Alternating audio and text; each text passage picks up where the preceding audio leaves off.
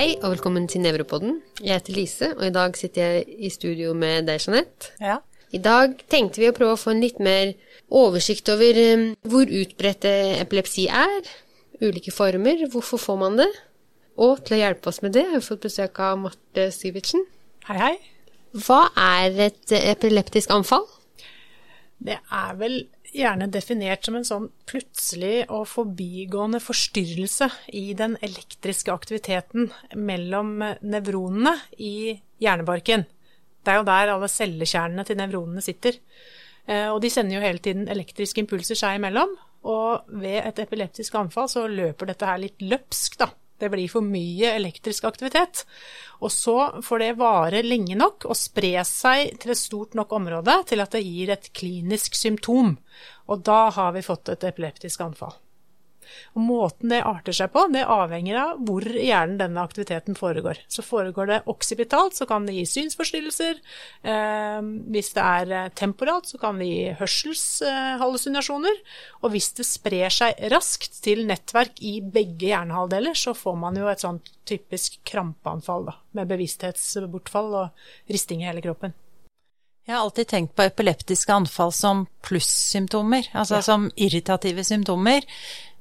Men det er ikke alltid at vi ser det klinisk. Man kan jo få lammelser eller altså bortfallssymptomer også, men kan vi som hovedregel si at det skal være plussymptomer? Altså at det er enten kramper eller sånn som du sier, synshallusinasjoner, hørselshallusinasjoner, noen luktfornemmelser? Ja, det er jo det motsatte av iskjemi, tenker jeg, da, hvor det, hvor det er noe som slutter å virke. Så er det jo her er det jo, virker det for mye, og på egen hånd. Eh, men eh, akkurat hvor det er, det har jo noe å si med semiologien, eller hvordan det arter seg. Så noen ganger så er jo det eneste symptomet at eh, hjernen ikke fungerer som normalt. At man fryser i aktiviteten, stopper opp litt, og, og så er man vips tilbake igjen. Og de vanligste anfallene var krampeanfall, som mange kjenner til. Men kan du komme med et eksempel på de mest uvanlige anfallene, eller de mest litt sånn bisarre anfall? Ja, det, dette er jo grunnen til at jeg ville jobbe med epilepsi i utgangspunktet. For det er jo så vanvittig fascinerende. For dette her er jo et direkte speilbilde av hjernens aktivitet og hva hjernen holder på med. Så når det fyrer i et litt sånn bisart område, da, så kan symptomene bli rare. Og det jeg syns har vært mest spennende, det er kanskje sånne religiøse fornemmelser og en sånn storhetsfornemmelse som kan komme, særlig hvis man er inne i temporallappen og i nærheten av insula og sånn, da, så kan det komme noen sånne veldig spennende symptomer, da. Det er jo sagt at Jeanne d'Arc hadde epilepsi? Ja, den, den lista er veldig lang, men hun er på den lista, ja. Og det var jo englers basuner og en sånn engel hun så, da. En slags hallusinasjon på syns og hørsel som var veldig stereotyp. Og plutselig og relativt kort. Og det gjør jo at man tenker at det kan ha vært anfallsaktivitet. I temporallappen hos henne. Temporooccipital. Og epilepsi, det er en paraplybetegnelse på en ja. rekke tilstander som kan, eh, som kan gi epileptisk anfall. Enig i det. Hva er definisjonen på epilepsi, da? Det, er, det har variert lite grann, men det, den de fleste bruker, i hvert fall sånn forskningsmessig, har jo vært at man har hatt to uprovoserte epileptiske anfall med minst 24 timers mellomrom. Det vil si at ett epileptisk anfall er ikke det samme som epilepsi, men det er en lavere terskel eller en tendens til å få spontane sånne anfall. da. Og så er det blitt litt modifisert i det siste, for nå sier man jo også det at hvis man har hatt et sånt anfall, og så finner man en, eh, et eller annet som gjør at risikoen for nye anfall er til stede, f.eks. funn på EEG, da, eller et MR-funn som kan eh, provosere fram anfall, så setter man diagnosen etter bare det første anfallet. Da. Har man, hvis man først har fått diagnosen epilepsi, har man det hele livet? Ikke nødvendigvis. Det er jo særlig blant barna så kan det eh, gå over.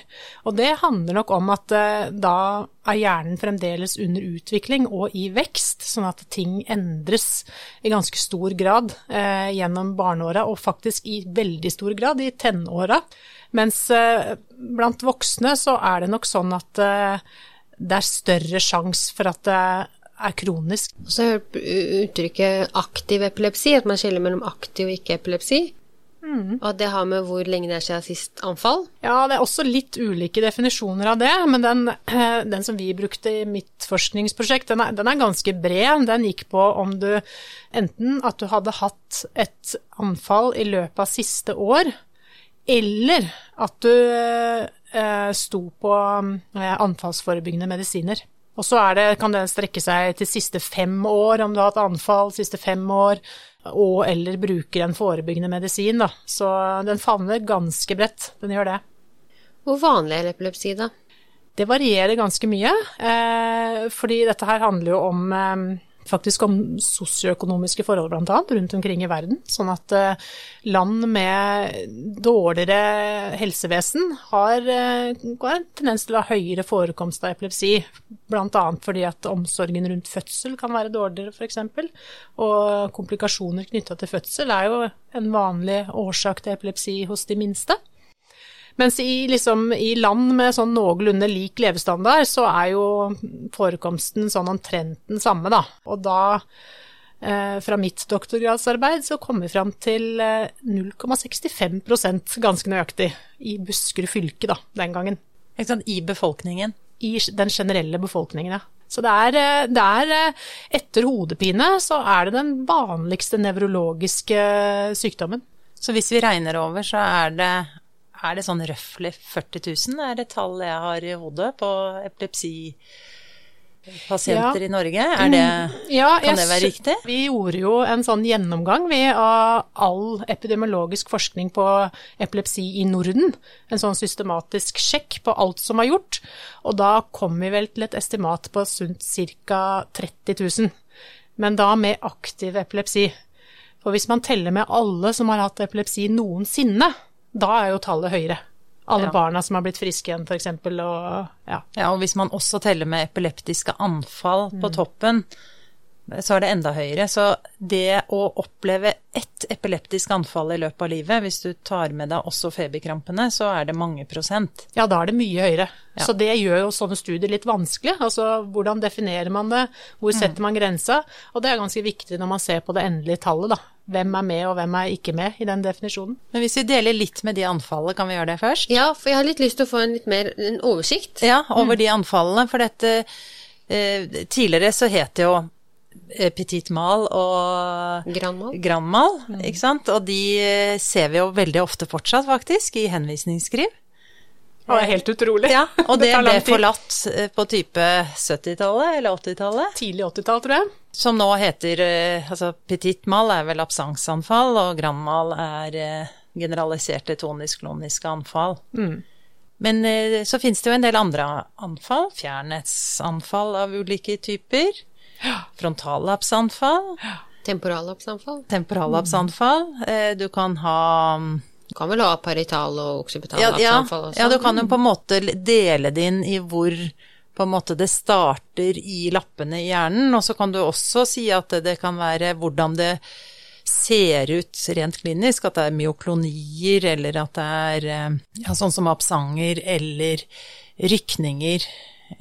Og det kan jo egentlig være sensoriske anfall også. Absolutt. Eh, hvor du får en Eh, sensorisk fornemmelse som brer seg utover, men det er kanskje ikke det hyppigste Nei. pasientene kommer med? Nei, jeg, jeg, tror nok kanskje noe av det hyppigste når det gjelder fokale anfall, er nok temporallapsanfallene, og de som gir litt sånn déjà vu og sånn hukommelsesgreier, da, siden temporallappen driver litt med det.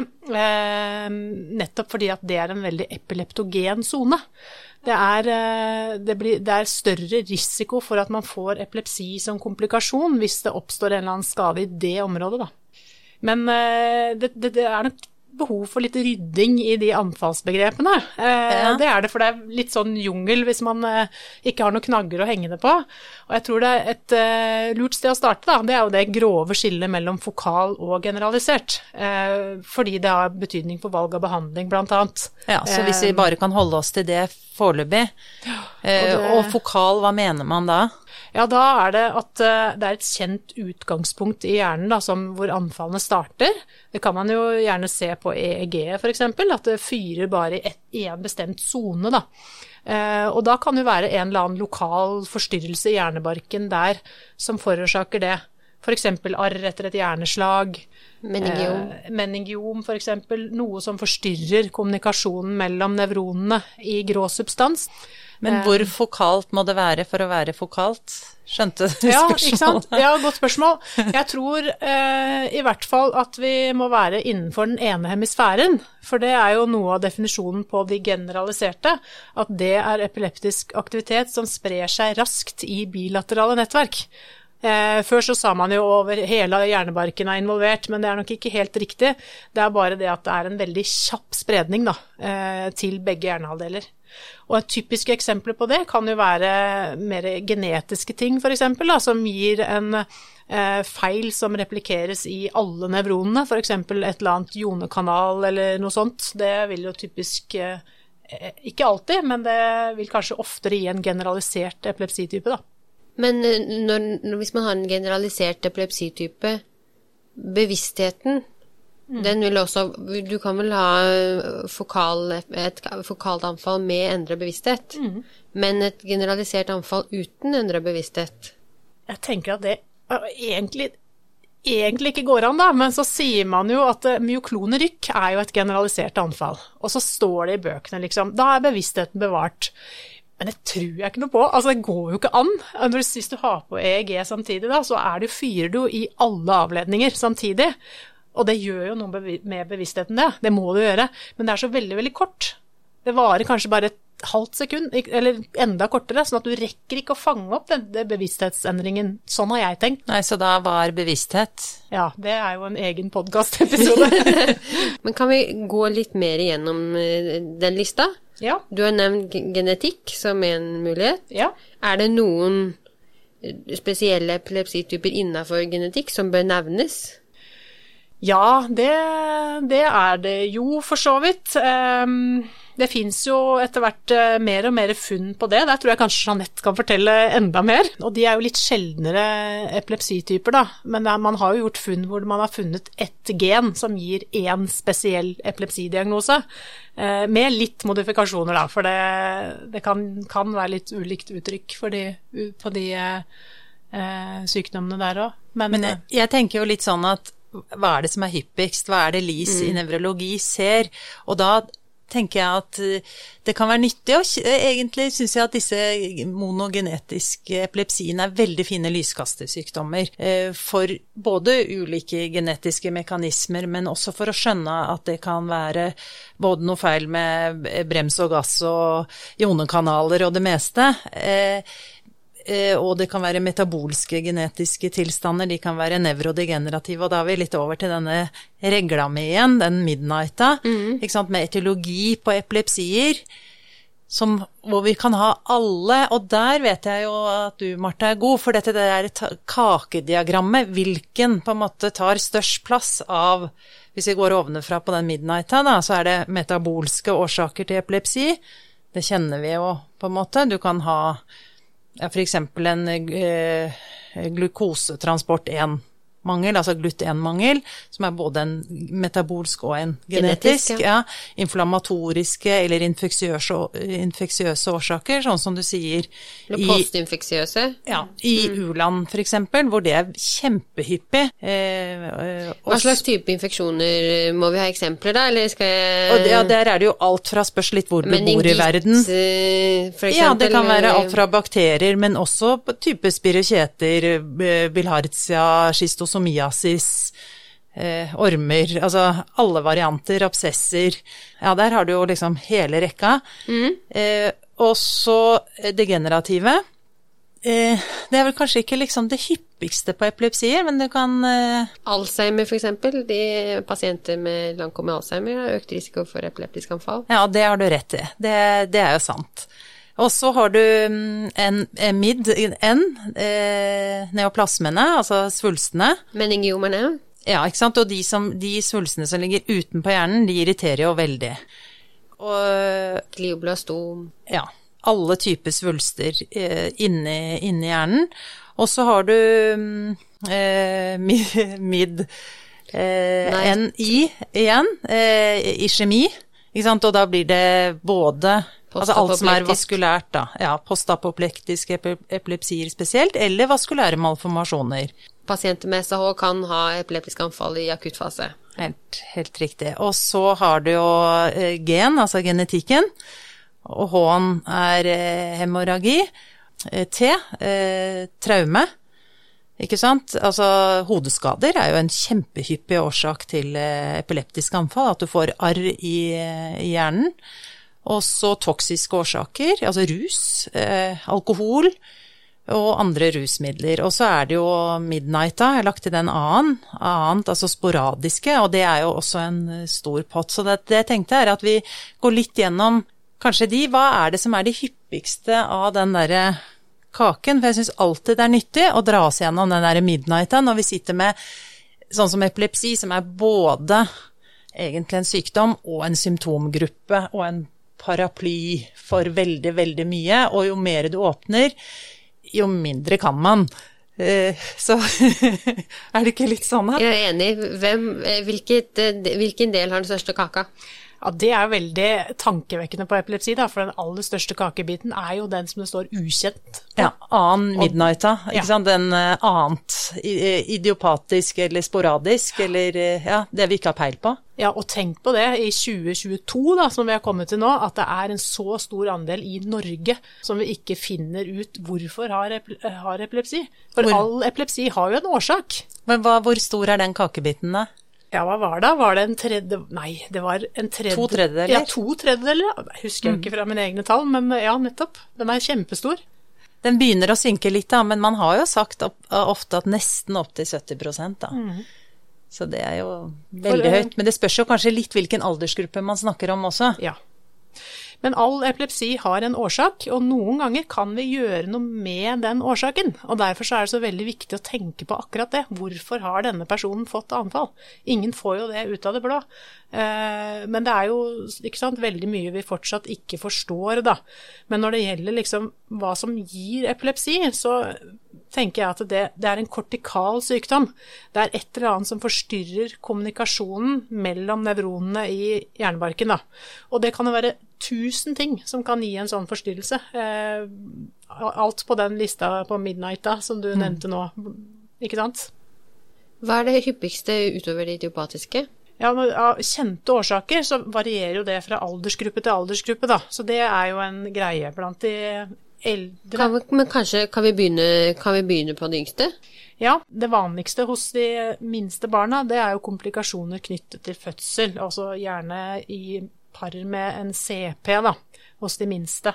Så etter hvert som man kommer litt eh, lenger opp i alder, så begynner jo disse idiopatiske epilepsiene å gjøre seg gjeldende. De generaliserte idiopatiske epilepsiene, der vi jo egentlig ikke har noe god årsaksforklaring på hvorfor det oppstår, men man tenker jo at det har noe med hjerneutvikling og genetikk å gjøre, da, uten at vi har klart å liksom eh, naile det helt. Men kanskje greit å liksom vite litt om Det er jo noen forskjeller der, f.eks. Dravet-syndrom og GLUT1-syndromet ja. er jo veldig spesifikke diagnoser som er knytta til spesifikke genfeil. Men sånn som West-syndrom og se hos litt større barn Lennox-Gastaut-syndrom, det er jo egentlig bare en klinisk beskrivelse av EEG-funn og anfallstype. Sånn at eh, det er litt sånn ulike sekker å putte ting i, da. Ja, det er nettopp det, og det er jo kanskje litt viktig å, å, å vite, da, at her kommer det opp masse navn som betyr ulike ting, og selv Dravé er det jo sånn at en del som har fått blitt klassifisert som en dravé, ikke viser seg å ha mutasjon i det genet, som, Likevel. eller motsatt. Eh, at det er en som kommer fra sidelinjen, og som har mutasjon eh, i det genet som gir dravé, og så er det ikke noe dravé-fenotype, så her er det jo bare surr. Ja, og det er jo typisk hjernen, at det er surr, liksom. For det passer ikke med læreboka bestandig. Du kan ha den genfeilen, eh, og så er liksom fenotypen mye mildere, for eksempel. Disse feberkrampene og liksom den GEFS-varianten, som det, hvis man skal slenge ut noen navn. Ja, hva står det for? Eh, generalisert epilepsi with febrile seizures, og så er det noen ganger en pluss på etterpå. Ja, fordi det kan gi litt andre symptomer i tillegg. Ja.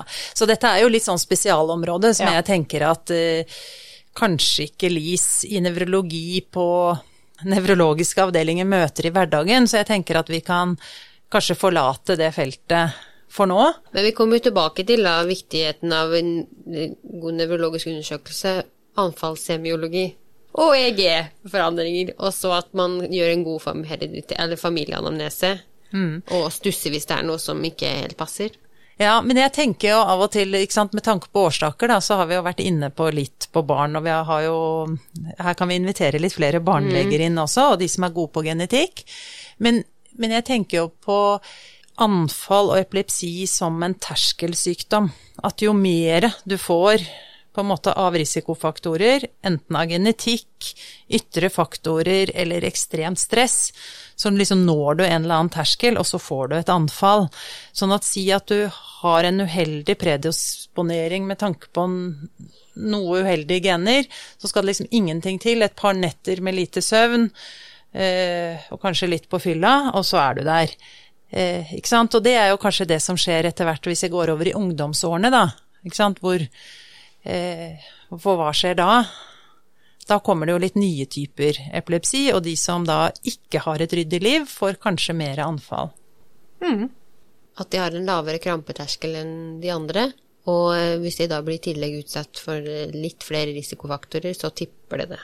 Er det andre typer som bør nevnes i ungdomsårene før vi beveger oss over i voksen, voksenlivet? Ja, det viktigste i den fasen der er jo de der generaliserte idiopatiske som vi så vidt nevnte i stad, hvor det skjer en sånn rask spredning av anfallsaktivitet til begge hemisfærer, sånn at man får de generaliserte anfallene. Da. Uh, og den vanligste typen da er jo juvenil myoklonus epilepsi, da.